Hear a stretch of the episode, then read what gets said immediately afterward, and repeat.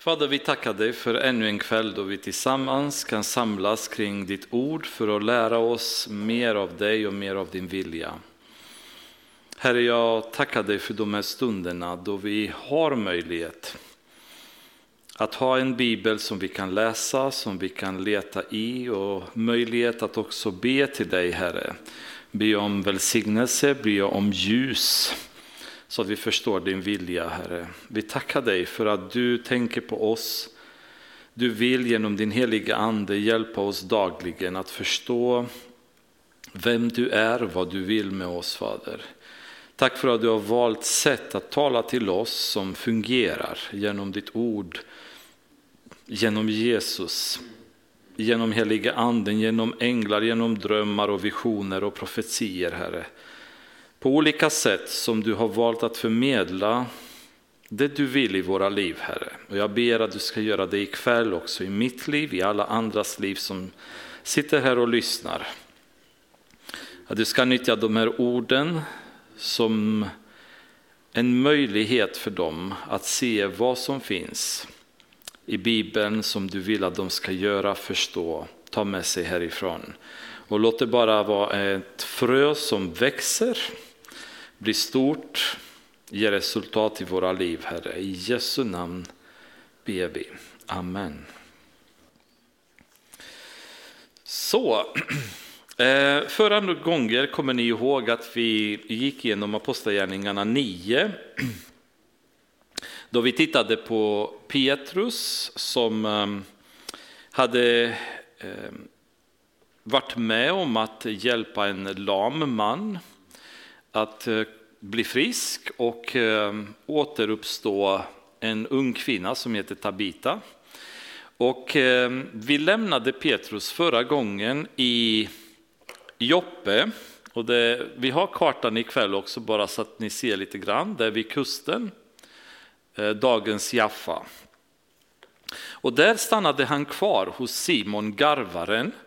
Och vi pratade väldigt lite om det i slutet av förra bibelstudiet, om vad det innebar att vara hemma hos en garvare, som var en person som var ceremoniellt oren och eh, var tvungen att gå igenom ganska långa reningsprocesser för att överhuvudtaget kunna delta i normalt samhällsliv eftersom han jobbade med döda djur, med blod och därmed så var han oren. Faktum är att en garvare var så lågställd på något sätt i hebreiska kulturen så att om en tjej eh, giftes eh, med en garvare men hon visste inte att han var garvare men fick reda på efter giftermålet att hon var garvare då hade hon rätt enligt lag att omedelbart skilja sig från honom. Därför att det hade varit en komplicerad relation kan man säga att leva med en man som är mer eller mindre oren hela tiden och du kan knappt röra honom. En garvare dessutom fick inte ens ha huset i staden utan huset var tvunget till att vara en bit utanför staden då, isolerat från andra människor och andra områden. Och i det huset så kom Petrus och vi tittade på olika sätt där murar som hade byggts genom gammaltestamentets eh, lag och eh, sätt att se på saker och ting hade börjat att rivas ner nu i apostlagärningarna. Det kom heliganden, ehm, tungotalet kom, de pratade i alla olika språk. Redan det, det var ett tecken på att saker kommer hända. Sen går väckelsen ut ur Jerusalem och ut ur Judea och kommer genom Filippus till Samarien. Samarien som var ett ställe som judarna såg ner på, de betraktades som halvjudar i princip. Och där kommer evangeliet och det får även församlingen att ställa sig lite grann funderande, men Petrus och Johannes åker dit, de bevittnar väckelsen och ser att heliganden är utgjuten över folket i Samaria och accepterar det. Eh, Petrus nu går vidare, han befinner sig nu i en garvare, eh, i ett garvares hus som också är någonting som man inte fick göra som jude. ytterligare murar som bryts ner och vi ser hur så småningom saker och ting börjar inträffa. Och i kapitel 10 då blir det eh, en stor mur som kommer rivas. Initialt så var kristendomen, eller tron på Jesus, det var någonting som var ändå reserverat för judarna. Det började i Jerusalem, det fortsatte i Judeen. Sen fortsatte, fortsattes det i Samarien, men man kan resonera som att Samarien var ändå slags halvjudar eftersom de tio stammarna, bortsett från Benjamin och Juda, de var de som befolkade Samarien. Visserligen hade folk tagits dit från Babylon och Persien och så vidare, men i grunden så var Samarien ändå en judiskt territorium, ett hebreiskt territorium i alla fall. Så man kan säga att evangeliet var reserverad då än så länge till judarna. Men, eh, och Jesus själv var jude. Han refererade väldigt oftast till eh, Abraham som judarnas fader. Abraham, Isak och Jakob refererade han att vi är ättlingar av och så vidare. Så det var en, hela tiden en koppling eh, dem emellan. I Romarbrevet 11 eh, beskriver Paulus lite grann Ehm, sättet så att säga, som folk egentligen var tvungna att börja tänka i. Och i Romarbrevet 11, eh, vers 16 börjar han säga så här. Om relationen mellan kristna som var från hedningar, bland hedningar och judar. Och han säger så här, om förstlingsbrödet är heligt är dagen, degen helig. Och om roten är helig är grenarna heliga, men om nu några av grenarna har brutits bort och du som är ett vilt olivträd har blivit impad bland dem och fått del av det äkta olivträdets feta rot, då ska du inte förhäva dig över grenarna. Men om du förhäver dig ska du veta att det är inte du som bär roten, utan roten som bär dig. Nu invänder du kanske att grenarna bröts bort bara för att du skulle impas in. Du har rätt. För sin otros skull bröts de bort, men du står kvar genom tron. Var inte högmodig, utan lev i fruktan. Ty om Gud inte skonade de naturliga grenarna ska han inte heller skona dig. Se här Guds godhet och stränghet, hans stränghet mot dem som föll, hans godhet mot dig, om du blir kvar i hans godhet, annars blir också du borthuggen.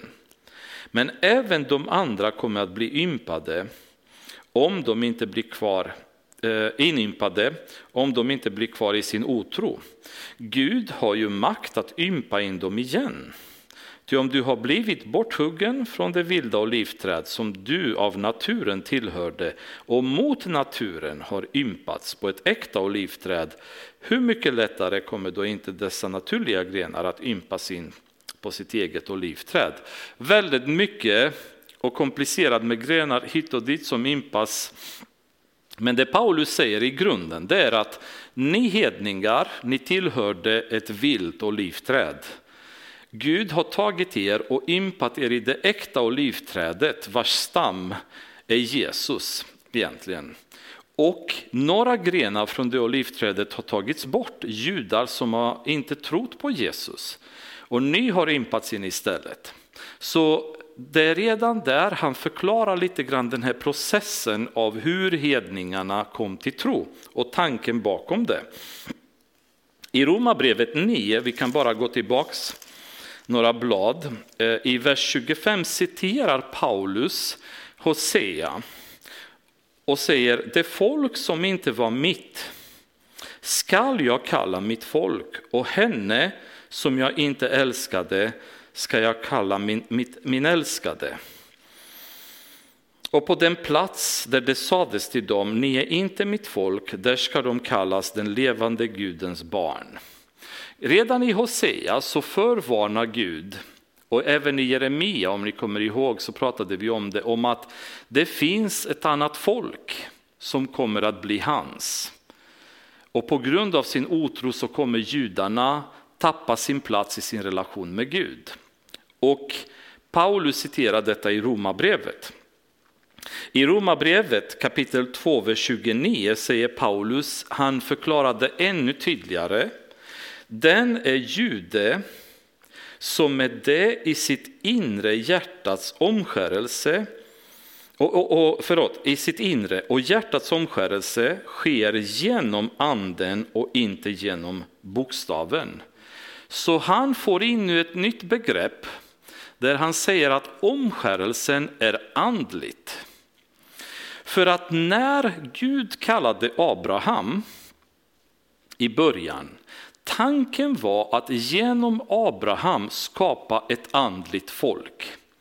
Inte en nation som alla andra nationerna som hade kungar och styrdes på ett mänskligt sätt, utan en nation som skulle styras utav Gud, enligt Guds lag, genom Guds lag, en total teokrati. Inte en demokrati, inte en republik, inte en diktatur eller någon annan statsform, utan en teokrati där Gud skulle leda folket. Därför blev det en sorglig historia när efter domarnas period, när Samuel tog över, så började folk knorra och protestera. Och de sa, vi vill också ha en kung som alla andra. Och det här sa Gud till Samuel, Samuel, de är inte emot dig, de är emot mig. Det vill säga, de är emot det teokratiska system som Gud hade byggt upp. Där omskärelsen skulle vara ett bevis på att de var Guds folk och inte det som gjorde dem till Guds folk. Beviset på att de i sitt hjärta tillhörde Gud och inte det som fick dem att tillhöra Gud. Och det är det som judarna genom hela gamla testamentet inte har förstått. Det är därför de var så rigorösa i att hålla sig till petitesserna i lagen men ignorera fullständigt allting som handlade om principen bakom lagen som Jesus permanent gick på dem. Han drog dem och sagt att ni har hört sägas att, men jag säger till er. Det vill säga att det ni har hört, det ni har gjort är inte tillräckligt. Jag säger till er att det är så här det ligger till. I Galatierbrevet, om vi vänder där, kapitel 3. Där går Paulus eh, steget ännu längre där han förklarar klart och tydligt vad det handlar om. Kapitel 3, vers 5 och 7. Då säger han, han som ger er anden och gör underverk bland er, gör han det för att han ni håller lagen eller för att ni lyssnar i tro, liksom Abraham? Han trodde Gud och det räknades honom till rättfärdighet. Därför ska ni veta att de som håller sig till tron, de är Abrahams barn. Paulus i både Korintierbrevet, Galatierbrevet, Romarbrevet spenderar extremt mycket tid att förklara varför hedningarna kan betraktas som Abrahams barn och därför att de hade en tro. På samma sätt som Abraham hade en tro och Abraham var en fader för alla de som trodde. Och i slutet i Galaterbrevet kapitel 3, vers 26-29 så avslutar han med att säga alla är ni Guds barn genom tron på Kristus Jesus. Alla ni som har blivit döpta till Kristus och blivit iklädda Kristus. Här är inte jud eller grek, slav eller fri, man och kvinna.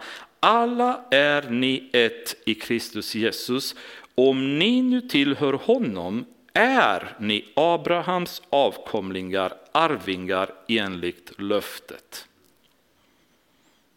Här spränger Paulus allt som judarna någonsin hade trott och föreställt sig. För om ni läser gamla testamentet och även deras attityd i nya testamentet, de pratar alltid så stolt, vi är Abrahams barn. De pratar om våra fäder. Och Paulus säger att Abrahams barn är de som tror. De som är omskurna i sitt hjärta och Gud även i Jeremia pratar om vikten av att hjärtat ska vara omskuret. Det yttre, det vi gör, det är bara ett bevis. på att hjärtat är omskuret, att vi verkligen tillhör Gud. Och för att tillhöra Gud så måste vi därför ha en, en, ett omskuret hjärta, vi måste tro. Så detta tog jag bara lite som bakgrund så att vi, ni förstår vilket sammanhang och vilken situation vi kommer in i nu i kapitel 10. Det här var fortfarande inte klart för församlingen. De visste fortfarande inte exakt att hedningarna skulle behöva eller skulle kunna vara frälsta utan att bli judar. Jag tror vid det laget så var det ganska klart för dem att om de konverterar till judaism eller om de kommer hålla lagen och tro på Jesus, då kan de också vara med. Men att det bara tron på Jesus och inte tillhörande lagen och judaismen, det var inte alls klart för någon vid det här laget. Som man kan få fram sen i kapitel 11 när vi kommer, ni ser att det blir en väldig ståhej av det hela. Så det är det här sammanhanget som, som vi, vi ser att den tidiga församlingen levde fortfarande enligt judaismens lagar. De samlades i templet, de höll sabbaten, de höll bönestunderna precis som under gamla testamentet. De höll, höll sig till matreglerna som gamla testamentet hade. Så de var fortfarande judar, men de hade tro på Jesus och hade blivit kristna, men levde fortfarande under judaismens lagar. Och detta leder in oss på vers 1. I Caesarea bodde en man som heter Cornelius, en officer vid den italiska vaktavdelningen. Vi kan stanna bara lite snabbt här. Caesarea, då var vi, nu är det som jag sa, här är ju Petrus, han befinner sig i Joppe. Här har vi Caesarea, längs med kusten. Um, cirka 50 kilometer ifrån Joppe då, längs med kusten fanns Caesarea. Sen fanns det ett ställe till som heter Caesarea Filippi. Men det är en annan Caesarea, så man får inte mixa. Det här kallar romarna för Caesarea Maritima, alltså det var vid havet och sen var det Caesarea Filippi. Um, bara så ni håller i ordning eftersom vi kommer senare till Caesarea Filippi också. Men um, Caesarea var dessutom huvudstaden, alltså romerska huvudstaden för den judiska, alltså för Judien på den tiden. Så det var ju romerska kontoret kan man säga för administrationen av Judien. Så där befann sig en romersk um, officer som heter Cornelius. Och han var from och fruktade Gud liksom alla i hans hus och gav frikostigt med gåvor till folket och bad alltid till Gud. Och här blir det lite grann konfunderande därför att han är ju romare. Men uppenbarligen så levde han ett fromt liv. Han trodde på gamla testamentets Gud. Och han levde ett fint liv. Han gjorde gott, han hjälpte människor, inte bara han utan hela hans hus. Och det är ungefär så långt en människa kan komma och göra gott fast ändå inte frälst. Så han levde ett väldigt fint liv. Han var en väldigt trevlig människa skulle man kunna säga, gjorde gott, um, gjorde bra ifrån sig och han hade fått sitt hus att leva på det sättet, inte bara hans familj men hans tjänare ser vi senare så han, han gjorde väldigt mycket gott, men räcker det? Det gör det inte, kommer vi se senare i kapitlet. Det räcker inte att leva ett gott liv. Det räcker inte att göra gott. Det räcker inte att ge bort ens pengar. Det hjälper inte att hjälpa de fattiga om man inte är frälst. Han levde ett så bra liv som en människa kan leva, men han är fortfarande inte frälst. Han har fortfarande inte lärt känna Jesus. Och han, eh, han levde på det sättet och det är lite intressant som romare. Ehm, för vi ser senare att han var inte en konvertit, man, man skulle kunna bli konverterad till judaism om man ville. Men när Petrus kommer och besöker honom, då ser vi att Petrus säger att egentligen så hade han inte fått vara med i det huset därför att de var hedningar. Så då vet vi att de hade inte konverterats till judaism.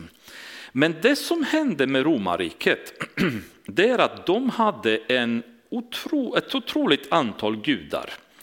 Och varje gud, de hade gudar för eh, blixtar och gudar för havet och gudar för drickenskap och gudar för kärlek och gudar för krig och gudar för allt. Då. Eh, och det var ju någonting som både grekerna och romarna hade. Och eftersom de hade så många gudar så ville de också vara säkra att de inte missar någon gud och därför hade atenarna den, det monumentet som Paulus hittade sen när han kommer och predikade i Aten, där det stod till en okänd gud. Så att utifall vi har missat någon gud så sätter de upp ett staty där och säger det här är till honom bara för att försäkra oss att vi inte missat någon. Problemet är att den här polyteismen skapade väldigt, ett väldigt jobbigt liv för väldigt många människor. Det var inte lätt helt enkelt att hålla reda på alla gudar och göra deras vilja hela tiden. Så faktum är att väldigt många romare, soldater, romerska medborgare som hade kommit i kontakt med monoteistiska religionen som fanns i Judeen, i Jerusalem, de upplevde det som befriande att strunta i alla de gudarna och anamma den judiska guden, det vill säga den enda guden istället. Och de kallades för portjudar, alltså de som har kommit genom en port, men de var inte riktigt judar än. Men de hade anammat judaismen, de trodde på gamla testamentets Jehova och levde enligt eh, mosaiska lagen, fast de var inte judar. Och troligen var Cornelius en av dem som hade anammat judiska religionen och levde enligt dess begrepp, fast han var inte konverterad till judaismen. En dag omkring nionde timmen såg han tydligt i en syn hur en Guds ängel kom in till honom och sade Cornelius. Han stirrade förskräckt på ängeln och frågade Vad är det, Herre? Ängeln sade Dina böner och dina gåvor har stigit upp till Gud som ett offer han kommer ihåg. Sänd nu några män till Joppe och skicka efter en viss Simon som kallas Petrus. Han bor som gäst hos garvaren Simon som har ett hus vid havet. När ängeln som talat med honom var borta kallade Cornelius till sig två av sina tjänare och en soldat som var en from man, en from man och alltid stod till hans tjänst. Han förklarade alltsammans för dem och sände dem till Joppe. Så Cornelius får helt enkelt en äng, ett änglabesök och ängeln säger att det du har gjort Cornelius har inte förbisetts av Gud. Gud har sett allt. Och det här är det som kan ge oss uppmuntran när vi gör gott, när vi följer Guds Eh, uppmaningar till våra liv, hur vi ska leva. För ibland så är det är det jobbigt. Ibland så känner vi att det är tungt, ibland så har vi ingen lust, ibland så tar det emot. Men Gud ser allt vi gör. Han ser allting vi gör och det är därför det är så härligt också att kunna göra saker som inte syns, som man inte får beröm för. För då kan man känna den här innersta glädjen av att Gud ser. Gud ser, jag gör inte det för att han ska se och berömma mig, men väl gjort så vet jag att han har sett. Och jag vet att han, han missar aldrig, han är aldrig oss skyldig någonting. Han ser allt vi gör, han glömmer inte det. Men i, genom änglabesöket så uppmanas Cornelius att skicka efter Petrus. Och det intressanta är nu är frågan varför Petrus? För ni kommer ihåg i Apostlagärningarna kapitel 8 att Filippus efter han att han var uppe i Samaria här och evangeliserade, han gick ju sen ner, mötte eh, etiopiske hovmannen på väg till Gaza och därefter så från Azotus så drog han upp och evangeliserade längs hela kusten och hamnade i just Caesarea. Så vid det laget befann sig Filippus där. Och han, han bosatte sig i Caesarea, vi kommer möta hans döttrar senare som var profetisor i Caesarea. Så varför skickar Gud genom ängeln Cornelius till att hämta Petrus 50 kilometer bort i Joppe när en underbar Guds man redan fanns i Caesarea, Filippus. Och han var ju förmodligen den som hade tagit med evangeliet till Caesarea. En anledning till det, och jag tror att det är en ganska så stabil anledning, om vi vänder till Matteus evangeliet, 16 kapitlet. Där har vi en, ett tillfälle då, mm, just det, 16, jag var i kapitel 13, jag tänkte det här ser inte alls ut som det jag ville läsa om. Ehm, eh, Matteus evangeliet kapitel 16, vers 13 ska vi till. Då Jesus kom till trakten av Caesarea Filippi, så nu är vi i en annan Caesarea, frågade han sina lärjungar, vem säger folket att Människosonen är? De svarade, somliga säger Johannes döparen, andra Elia och andra Jeremia eller någon av profeterna. Han sade till dem, och ni, vem säger ni att jag är? Simon Petrus svarade, du är Messias, den levande Gudens son. Jesus sade till honom, salig är du Simon Jonasson, ty kött och blod har inte uppenbarat detta för dig utan min fader som är i himlen. Jag säger dig, du är Petrus och på denna klippa ska jag bygga min församling och helvetets portar ska inte få makt över den. Jag ska ge dig, och här notera, himmelrikets nycklar. Allt vad du binder på jorden ska vara bundet i himlen och allt vad du löser på jorden ska vara löst i himlen. Jag ger dig himmelrikets nycklar. Vem var det som höll talet vid pingst när första dörren öppnade sig? Petrus. Vem var det som fick åka upp till Samaria efter Filippus hade varit där för att få med evangeliets eh, heliga andens ankomst. Det var Petrus och det var Johannes som var med honom. Ytterligare dörr som öppnas, ytterligare himmelrike som öppnas. För vi vet att himmelriket är det som finns i hjärtat hos människorna. Det innerst inne där är Guds rike hos oss. Petrus är den som öppnar upp de här dörrarna. Och nästa dörr som väntar nu, det öppnar upp så att evangeliet kommer till hedningarna. En annan anledning som kan ha varit är det som vi kommer möta i kapitel 11. Ehm, det som kommer ske i kapitel 10 kommer orsaka en väldans ståhej i kapitel 11. Men eftersom det är Petrus som har varit med om det som har hänt i kapitel 10, då, då finns det mycket mer tyngd i det, vilket gör det lättare för församlingen att acceptera det som har hänt i kapitel 10. Så vi kan spekulera förstås, men det vi kan vara säkra på det är att Gud utför alltid sin plan när hans timing är rätt och med de personer som han har valt för det. Och varför vill jag betona detta? Det är att vi ibland läser delar av Bibeln och vi känner oss misslyckade som kristna. Att varför kan inte jag vara en sån genom vilken Gud kan skapa en väckelse i Skövde, i Skaraborg, i Sverige? Varför kan inte jag vara en Filippus? Varför kan inte jag vara en Petrus? Utav den enkla anledningen att jag är inte Filippus och jag är inte Petrus och Gud kan ha en helt annan plan med mig än han har haft med dem.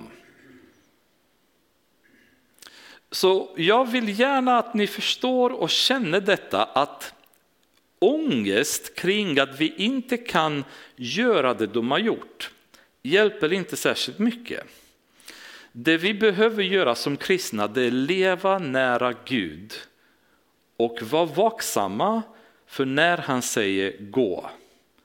Och då går vi. Och när han säger gör så, och då gör vi. Men vi ska inte känna oss misslyckade, att vi inte kan göra det som Petrus sa just, för vi har inte blivit givna nycklarna till himmelriket. Han har blivit given nycklarna till himmelriket. Vi har inte gått med Jesus på jorden, vi har inte varit en apostel som har haft en möjlighet att utföra det Petrus har utfört eh, under Guds ledning. Därmed så behöver inte jag känna att jag är en dålig kristen för att jag inte kan göra samma sak som Petrus. För Gud har förmodligen inte valt mig till att göra samma sak som Petrus. Så det är ju jätteviktigt att förstå att varför kunde inte Filippus vara? Jo, därför att Gud ville att Petrus skulle vara. Filippus fanns i Caesarea, han var en underbar Guds människa, han var villig att predika evangeliet och Gud skickade Petrus dit. Varför? Vi har spekulerat i två anledningar, men i grunden bara för att Gud vill. Det är det svaret som jag gillar allra mest. Bara för att Gud vill. Bara för att heliganden gör precis som han vill. Det enda vi kan göra, det är ställa oss i hans hand när han vill använda oss.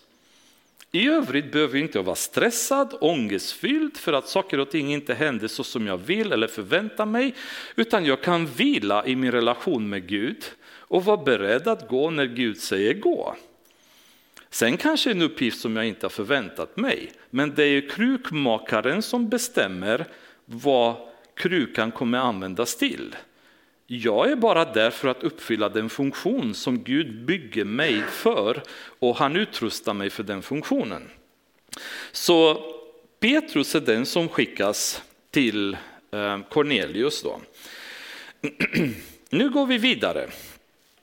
Nästa dag medan de ännu var på väg och närmade sig staden gick Petrus vid sjätte timmen vilket eh, sjätte timmen innebär runt 12 ungefär. Det var bönetiden runt klockan 12. Vid sjätte timmen upp på taket för att be. Nu är det så att de har inte samma tak i Mellanöstern som vi har här, för det blir jobbigt att stå på, på våra tak och be. Men eh, vi vet hur det är även i Spanien, folk eh, sitter på taket, de lagar mat på taket, de sover ibland på taket, så det är mycket aktivitet som sker på taket i de länderna. Då. Så Petrus han går upp på taket för att be. Han blev då hungrig och ville ha något att äta. Medan man gjorde i ordning maten kom han i hänryckning, så han gick i en trans kan man säga. Han såg himlen öppen och något som liknade en stor linneduk komma ner. Den var fäst i sina fyra hörn och sänktes ner till jorden och i den fanns alla slag av jordens fyrfota djur och kräldjur och himlens fåglar. Och en röst kom till honom, stig upp Petrus, slakta och ät. Petrus svarade, nej, nej herre, jag har aldrig ätit något oheligt eller orent. Så det vi ser det är att det kommer som ett linne, en linneduk full med orena djur då, i duken. Och det intressanta är att linnet genom Bibeln används i samband med renhet, rättfärdighet, helighet. Eh, änglarna när de dyker upp ibland beskrivs att de var iklädda linne. Det finns beskrivningar i Hesekiel kapitel 9, kapitel 10, Daniel kapitel 10, 12, Uppenbarelseboken kapitel 15 om just linnet. Och linnet var alltid symbolen för rättfärdighet kan man väl säga i gamla testamentet. Så i en linneduk som symboliserar renhet hade lastat in alla möjliga orena djur. Och rösten säger till Petrus, ehm, stig upp Petrus, slakta och ät. Och Petrus säger, nej, nej herre. Och det här tycker jag är helt fantastiskt. För jag tycker att man kan säga nej, kanske. Och man kan säga herre. Men man kan aldrig säga nej, Herre. För om Gud är vår Herre, då kan vi inte säga nej när han säger till oss att göra någonting, för då är han inte Herre längre. Alltså om en officer ger en order till en soldat och soldaten säger nej, det funkar inte. Soldaten lyder. Genom auktoritet så kan en officer skicka en soldat och göra vad han vill och soldaten måste uppfylla den ordern. Fri vilja existerar inte längre när, när officeren säger gör det, utan då gör du det därför att han är din herre, han är din, ditt befäl. Men Petrus han säger nej, nej herre, jag, jag kan inte med. På svenska kallar man detta som oxymoron, det vill säga en, två motsatta eh, ord då, som, de går inte ihop med varandra. Det vi, om vi skulle säga på skoj så skulle vi säga som att säga ärlig politiker. Liksom.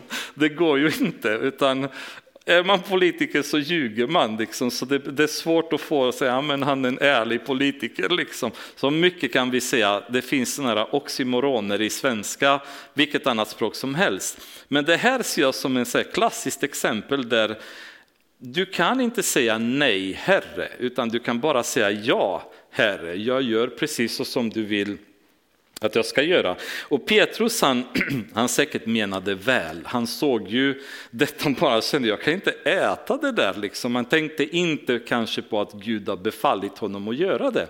Men han har lite grann en historik av det beteendet kan man säga Petrus för att i eh, i Matteus evangel eh, Markus evangeliet kapitel 8 det tycker jag det är en klassiker som vi känner säkert till och ibland så tror jag att vi känner igen oss i detta.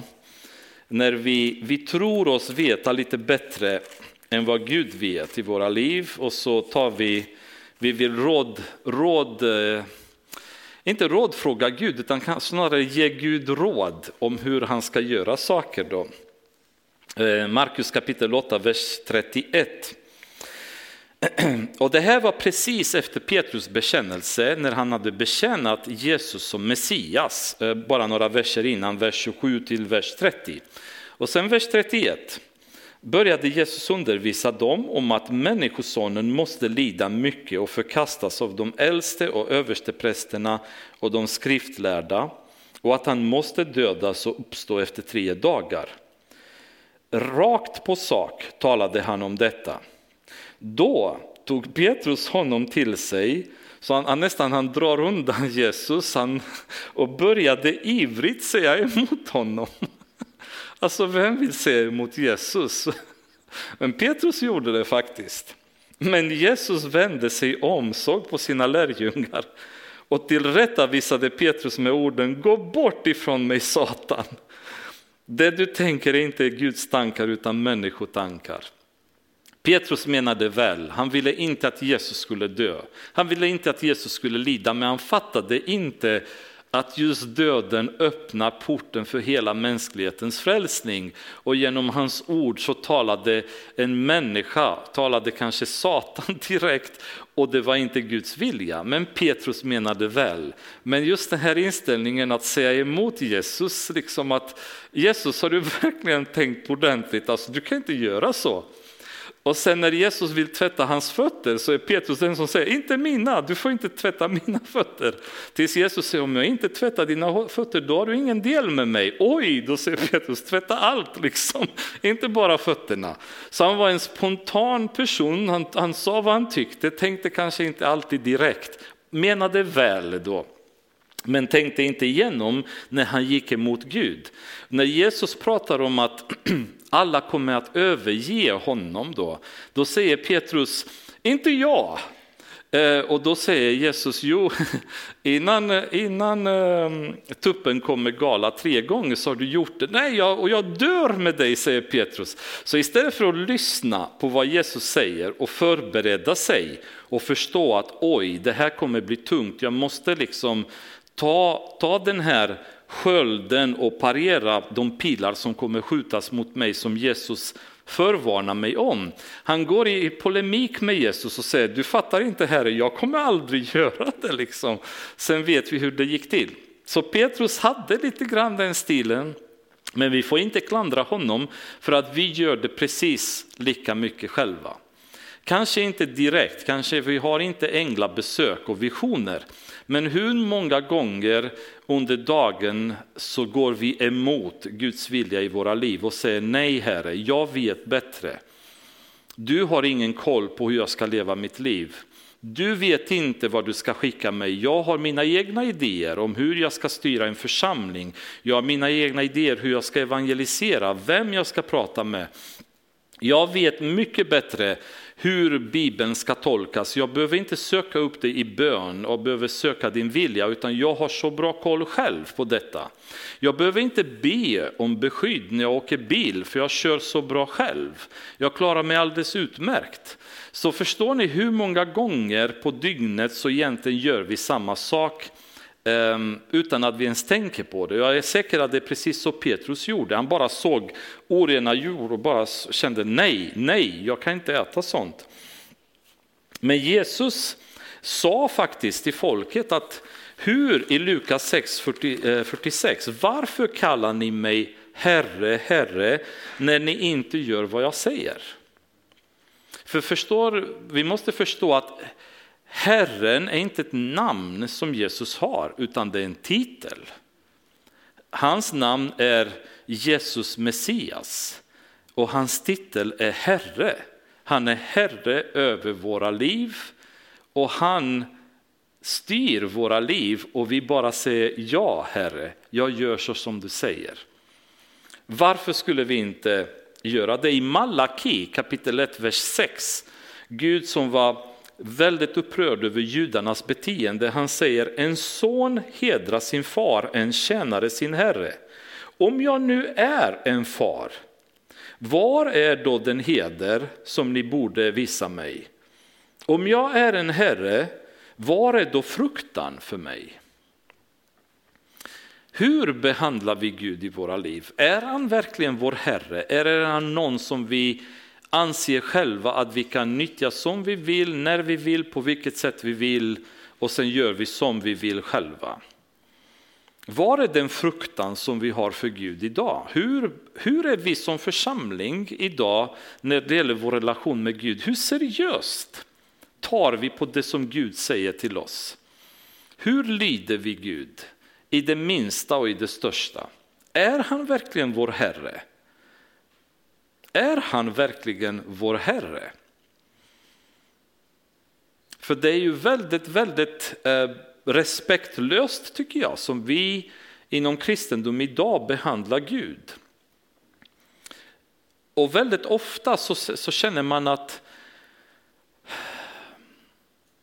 vi har, ingen, vi har ingen fruktan för honom och inte heller hedrar vi honom på rätt sätt. Så vi är hans barn och vi hedrar honom inte. Han är vår Herre och vi fruktar honom inte. Och vi, vi anser själva att vi kan göra som vi vill när vi vill och han får bara acceptera. Men på vilket sätt är han vår Herre i våra liv i så fall? Har vi inte förstått vem Gud är? Har vi inte förstått att hans plan för våra liv är alltid perfekt?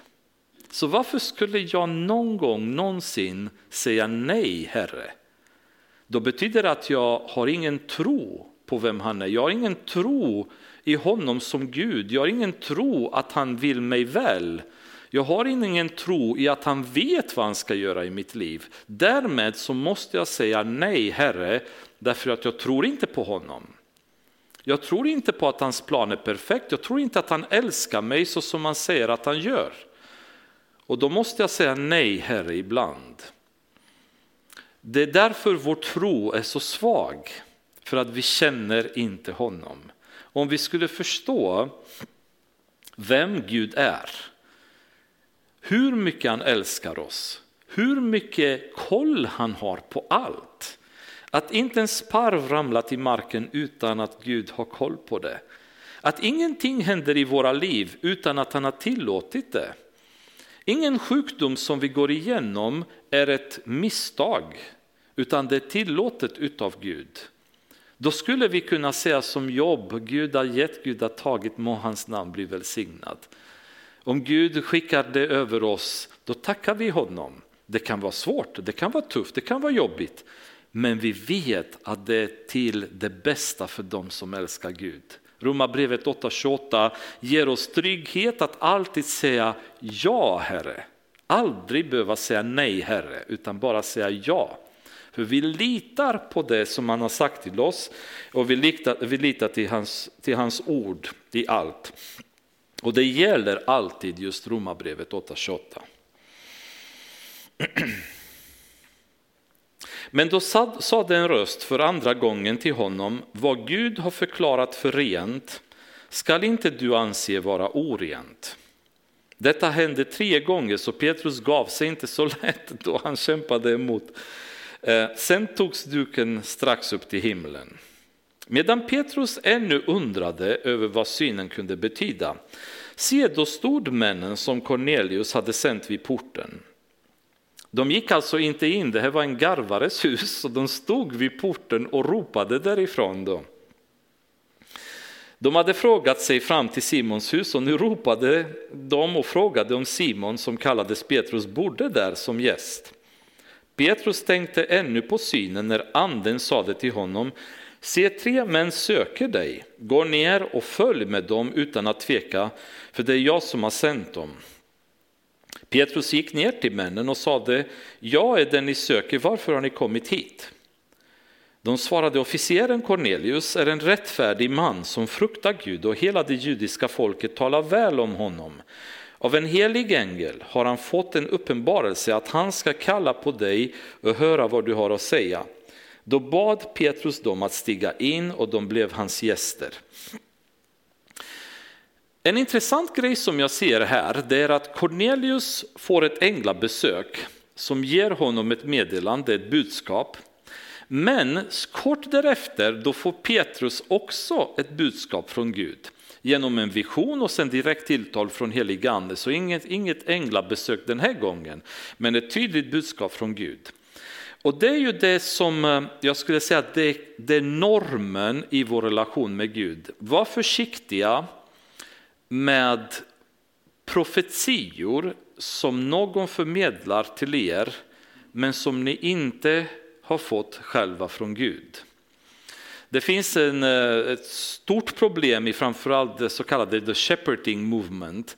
Alltså kyrkor de är väldigt hårt styrda eh, där profeter kan i princip i församlingen och äldstekåren eller pastorn Eh, säga sig ha fått budskap från Gud om vem någon i församlingen ska gifta sig med, vilket jobb man ska ta, vilket jobb man inte ska ta och så vidare. Och så lever man, de, de i församlingen de följer det därför att de anser att det här är ju från Gud. Och eh, om, om någon kommer till er och säger att nu har Gud sagt till mig att ni ska gifta er med den eller den, jag skulle säga att så länge Gud inte säger det direkt till er så låt det bara vara på hyllan så länge. Det behöver inte säga att det inte är från Gud, men då kommer Gud tala samma sak till er på ett eller annat sätt. Och det ser vi nu eh, många gånger genom Nya Testamentet, bland annat när Agabus kommer och meddelar Paulus att han kommer tillfångatas och man åker till Jerusalem och Paulus säger jag vet redan. Detta har, Gud redan byggt upp i hans hjärta men Agabus kommer att bekräfta det. Han, han ger stämpeln att det kommer ske.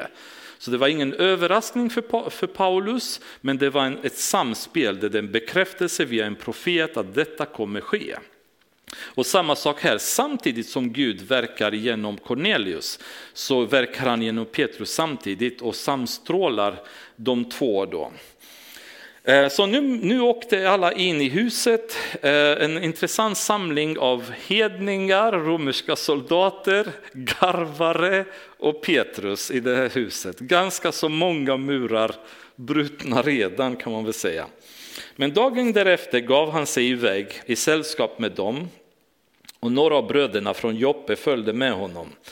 Följande dag kom de till Caesarea. Cornelius väntade på dem och hade kallat samman sina släktingar och närmaste vänner, så han, han drog in en stor församling där. När Petrus skulle gå in kom Cornelius emot honom och föll ner för hans fötter och tillbad. Men Petrus reste honom och sade, stig upp, jag är också, också jag är en människa. Så han var ju han var nog ingen ängel, han ville göra det klart för Cornelius, du ska inte tillbe mig, jag är bara en människa. För det, människor har en permanent tendens kan man säga att, att tillbe andra människor. Så man ser att Petrus var inte sugen på att få sin hand kysst eller sina fötter kyssta. Så det är därför det är lite irriterande måste jag säga i kyrkor idag när man ser eh, hur vissa präster och påvar och så vidare accepterar att folk kysser deras fötter och händer och allt möjligt och, och tillber dem. Det tycker jag är groteskt och obibliskt rakt igenom. Då. ganska allvarligt egentligen skulle jag säga att acceptera tillbedjan från andra människor och ta det från Gud.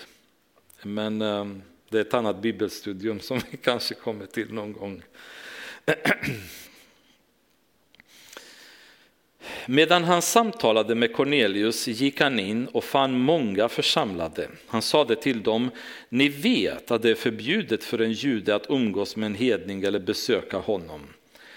Men mig har Gud visat att man inte ska kalla någon människa ohelig eller oren. Så nu, nu börjar Petrus förstå vad den här visionen handlade om. Att nu befinner han sig i hedningars hus där han som jude inte får vistas. Och han säger till dem att nu, nu, nu har jag förstått, nu har jag uppfattat lite grann poängen med det hela. Men han vet fortfarande inte riktigt vad som kommer hända. Han tror han har förstått, men det finns en del som komma skall. Då. Men han, han börjar fatta att det är ytterligare en mur här som Gud river ner och nu står jag med hedningar i deras hus. Därför tvekade jag inte heller att komma när ni sände bud efter mig och nu vill jag veta varför ni har bett mig att komma hit. Cornelius svarade, för fyra dagar sedan, just vid den här tiden, den nionde timmen, var jag här hemma och bad. Och se en man i skinnande kläder stod framför mig och sade Cornelius, Gud har hört din bön och kommer ihåg dina gåvor.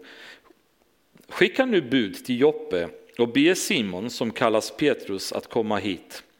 Han bor som gäst i garvaren Simons hus vid havet. Då skickade jag genast bud efter dig och du gjorde väl i att du kom. Nu är vi alla här inför Gud för att höra allt vad Herren har befallt dig att säga. Så Petrus vet inte varför han är där, Cornelius vet inte varför han har skickat efter Petrus. Så ungefär som att okej, okay, nu står vi här. Och jag tänker ibland, um, jag tänkte lite på för, förra gången när Debora drog in oss här på mötet på söndag morgon. Det var ungefär lite den här känslan att vi kommer till kyrkan, men vad händer? Vi vet inte vad händer. Vi kommer på något sätt som kristna människor, vi kommer och söker efter Herren, vi väntar på Herren. Vad har han för oss?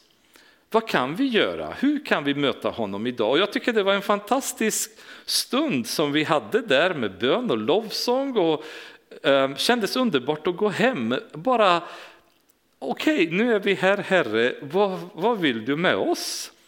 Vi är samlade för att höra någonting, men vad har du att säga till oss? Och det, det är väldigt roligt att Petrus säger, ja, jag har kommit hit, men varför är jag här? Och just det, vi har kallat dig, men vad har du att säga till oss? Hur ska vi börja? Men då började Petrus tala, tala. Nu förstår jag verkligen att Gud inte gör skillnad på människor utan tar emot den som fruktar honom och gör det som är rätt vilket folk han än tillhör. Nu förstår han vad det hela handlar om. Och det är ju så här att när vi, när vi ibland tänker på att vi vill att Gud ska verka i våra liv, i vår församling, i vårt samhälle, då visualiserar vi någon slags scenario om hur vi vill att det ska ske vilka av våra grannar ska komma till tro eller vilka av våra klasskamrater vi skulle se, vilja se till tro. Hur vi skulle vilja se att det sker. Genom vem vi tror att det kommer ske. Eh, kommer jag vara en del av det? Kommer eh, församlingsledningen vara en del av det? Kommer någon annan i församlingen? Och vi tänker att men han eller hon, de borde funka ganska bra. De är rätt duktiga evangelister. Troligen kommer de Gud använda och troligen kommer de och de grannarna kommer först till tro och så vidare. Och så blir vi väldigt förvirrade när vi ser att saker inte sker så som vi hade tänkt oss. Att det är inte de människor och de grannar som vi trodde skulle bli frälsta som blir det. Utan Gud får helt andra människor kanske komma in i kyrkan än vi hade räknat med och människor i församlingen som vi inte alls har tänkt på att de skulle kunna vara verksamma i ett evangelistiskt arbete plötsligt blommar upp och blir använda av Gud på ett fantastiskt sätt. Och man bara, va? Han? Hon? hur gick det till? Gud jobbar på så många olika sätt, men Petrus han förstår nu att han gör ingen skillnad på folk. Men vi gör det. Vi har våra preferenser om vem vi skulle se komma till tro. Men Gud gör inte det. Och rätt vad det är så skickar han oss till precis de människor som vi inte förväntar oss att bli skickade till. Och det blir lite jobbigt som med Petrus att oj, vad gör vi här? Hur ska, hur ska vi, vad ska vi säga till dem? Hur ska vi ens börja med dem? Och det blir kanske den här situationen av lite skum, skumt beteende men som sen leder till resultat när vi överlämnar oss i Guds händer och säger Gud gör det själv. Din vilja får ske här så att det blir rätt. Detta är det ord som Gud sände till Israels folk. Nu börjar Petrus så att säga, predika evangeliet för dem. Detta är det ord som Gud sände till Israels folk när han förkunnade frid genom Kristus, Jesus Kristus, han som är allas Herre. Ni känner till den förkunnelse som gick ut över hela Judeen med början i Galileen och som följde på det dop som Johannes förkunnade, hur Gud smorde Jesus från Nasaret med den helige andens kraft. Han som gick omkring och gjorde gott och botade alla som var i djävulens våld, till Gud var med honom. Vi är vittnen till, att, till allt han gjorde, både på den judiska landsbygden och i Jerusalem. Honom hängde de upp på träd och dödade, men Gud uppväckte honom på tredje dagen och lät honom visa sig, inte för allt folket utan för de vittnen som Gud i förväg hade utvalt för oss, som åt och drack tillsammans med honom sedan han uppstått från de döda. Det här att Jesus åt och drack vid varje tillfälle när Jesus möter människor efter hans död, alltså efter hans uppståndelse, så äter han och dricker med dem. Detta för att det ska vara klart och tydligt att det var ingen, inget spöke, ingenting. Det här var en uppstånden Jesus som åt och drack med alla, precis som han gjorde innan. Och han befallde oss att predika för folket och vittna om att han är den som Gud har bestämt till domare över levande och döda. Om honom vittnar alla profeterna att var och en som tror på honom får syndernas förlåtelse genom hans namn. Han, han går igenom alla evangeliets punkter, komprimerar allting väldigt tydligt och väldigt klart. Och troligen är han inte färdig med predikan därför att medan Petrus ännu talade föll den helige anden över alla som hörde ordet. Alla troende judar som hade följt med Petrus häpnade över att den helige andens gåva blev utgjuten också över hedningarna. Ty de hörde dem tala med tungor och prisade Gud. Det här, det här är det stora miraklet som hade dolts utav Gud före jordens begynnelse. Att hedningarna genom tro på Jesus Kristus kommer att bli frälsta. Vi kan inte föreställa oss chocken med vilken det här slog i den hebreiskt tänkande församlingen på den tiden. När de förstod att Gud hade öppnat portarna för hedningarna. Och heliga anden föll över dem utan att det finns ett enda tecken på att de hade blivit frälsta. De var definitivt inte döpta. Ingen hade lagt sina händer på dem och heliganden faller över dem och fyller dem så de talar i tungor allihopa och alla är helt chockade. Och det här älskar jag. Därför att återigen, det här säger till mig det som är apostlagärningarnas kännetecken, jag skulle säga det är mottot genom hela apostlagärningarna. Heliganden gör vad han vill, när han vill. Det kvittar hur mycket vi försöker att katalogisera hans sätt att arbeta, det går inte. Han gör vad han vill, hur han vill, när han vill, med vem han vill. Men det besparar oss stress och ångest. För jag behöver inte vara stressad, jag kan bara ta emot heliga anden när han kommer över mig och bli lycklig i det verk som han väljer att göra oss med, med oss i församlingen.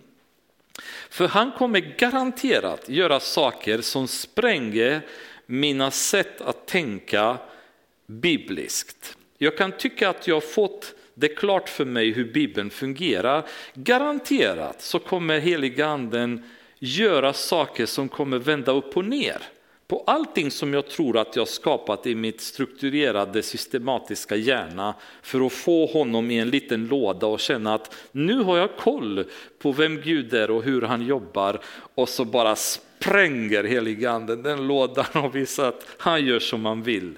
De var inte ens frälsta. Hur förklarar vi detta? Att människor som inte ens tagit emot Jesus blir fyllda av heliganden. Det går inte att förklara. För det spränger vårt sätt att tänka. I vår värld så måste de vara frälsta först. Sen tar de emot heliganden. De ska döpas till och med och sen kommer vi och lägger händerna på dem för att ta emot heliganden. Men inget av det sker här i kapitel 10 utan heliganden bara faller över alla. Inte Cornelius som hade varit gudfruktig och gjort hans vilja och så vidare. Inte de gudfruktiga fromma tjänarna utan över alla som är samlade där. Så faller heliganden och de börjar tala i tungor. Vilken fantastisk grej, en dag som vilken annan dag som helst. Så kommer Jesus till hela mänskligheten och säger jag vill ha er alla. Inte bara judar, inte bara samarier, utan alla får nu komma. Mörkret som lades över hela världen när miljontals människor levde utan något som helst hopp om att någonsin kunna bli frälsta, om att någonsin kunna komma till himlen. Plötsligt så blir det möjligt för alla andra människor och vad privilegierade vi befinner oss vilken tid vi befinner oss i som vi har möjligheten att vara bland dem som får möjlighet att göra det. Vad hade hänt om vi hade levt innan dess? Vi får bara vara tacksamma till Gud att vi lever på 2000-talet när evangeliet är öppet för alla. För vad hade vi gjort innan Apostlagärningarna kapitel 10? Vad har hänt med våra liv då? Var hade vi tagit vägen då? Man vill inte ens tänka tanken. För oss är det självklart att vi har en möjlighet, att vi kan tro på Jesus. Men förstå vad, vad omöjligt detta var att förstå för dem på den tiden och vilken chock det blev. Det underbara med Cornelius är att det, det, man visar att sökande människor får alltid svar. I Jeremia kapitel 29, vers 13 säger Gud, ni ska söka mig och ni ska finna mig om ni söker mig av hela ert hjärta. Gud ser den här sökande människan och väljer att nyttja honom för att öppna portarna för hela mänskligheten, att vem som helst som söker honom ska kunna finna honom. Vem som helst som knackar på dörren ska kunna vara säker på att dörren kommer öppnas. För Jesus finns där för alla. Och den, eh, det här kapitlet är ju, kan man säga, det är kapitlet som vi ska ha vid vårt hjärta. Det är det som, som har gjort att vi kan vara här idag, där vi är idag. Vi hade aldrig kunnat vara här annars. För den dagen har Gud bestämt att välja en man som heter Cornelius, en romare, en dag som vilken annan dag som helst, som Gud bestämde i sin timing genom rätt sätt, genom rätt person som man har valt, att evangeliet ska gå till hela världen från och med den dagen. Vem hade gissat?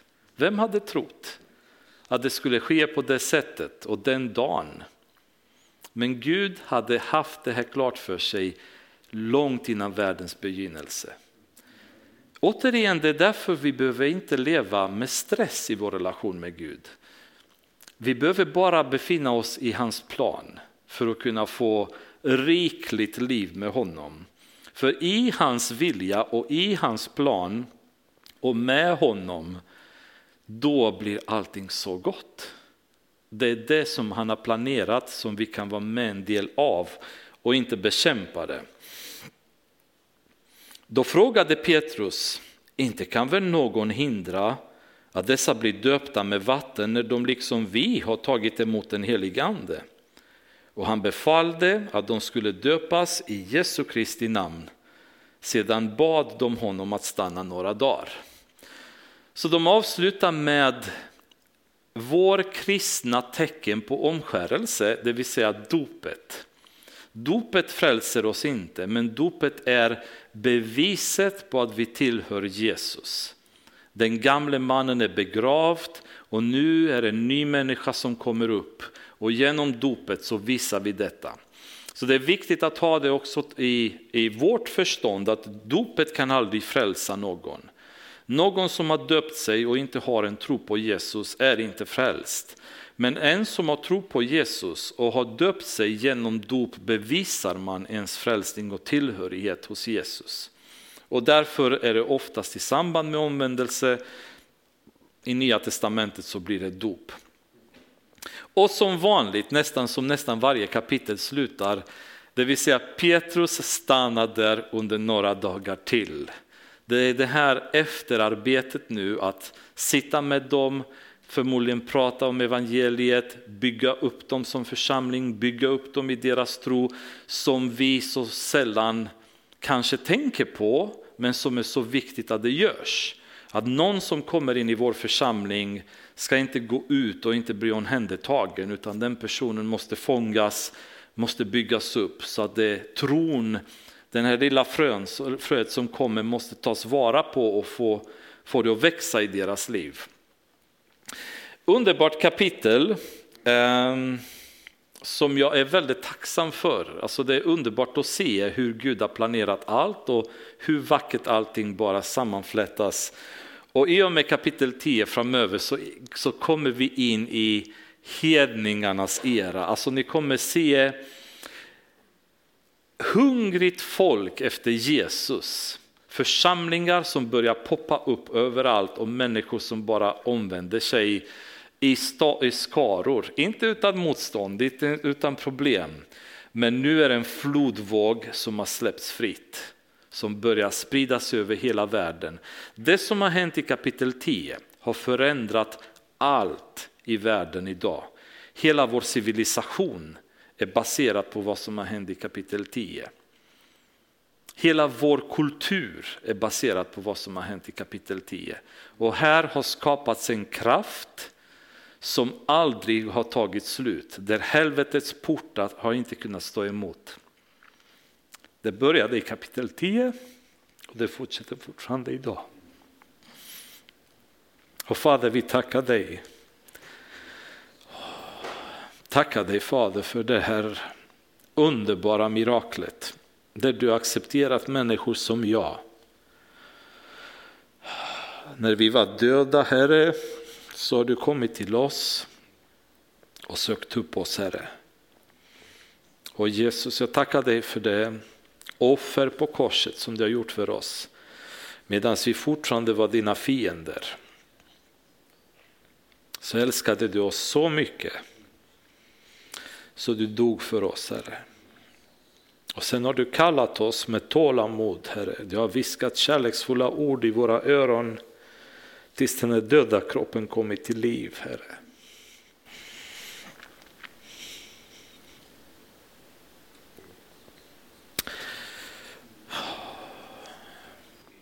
Du har lagt elegandens sigill på oss så att vi aldrig ska vara osäkra på vem vi tillhör. Och vi vet att vi är dina, Herre Jesus. Vissa dagar är det motigt.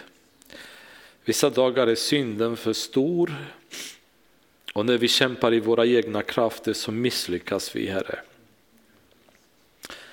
Jag vill bara be ikväll att du ska hjälpa oss att ta emot den kraft, Herre, som du har utlöst här i kapitel 10, Apostlagärningarna, Herre.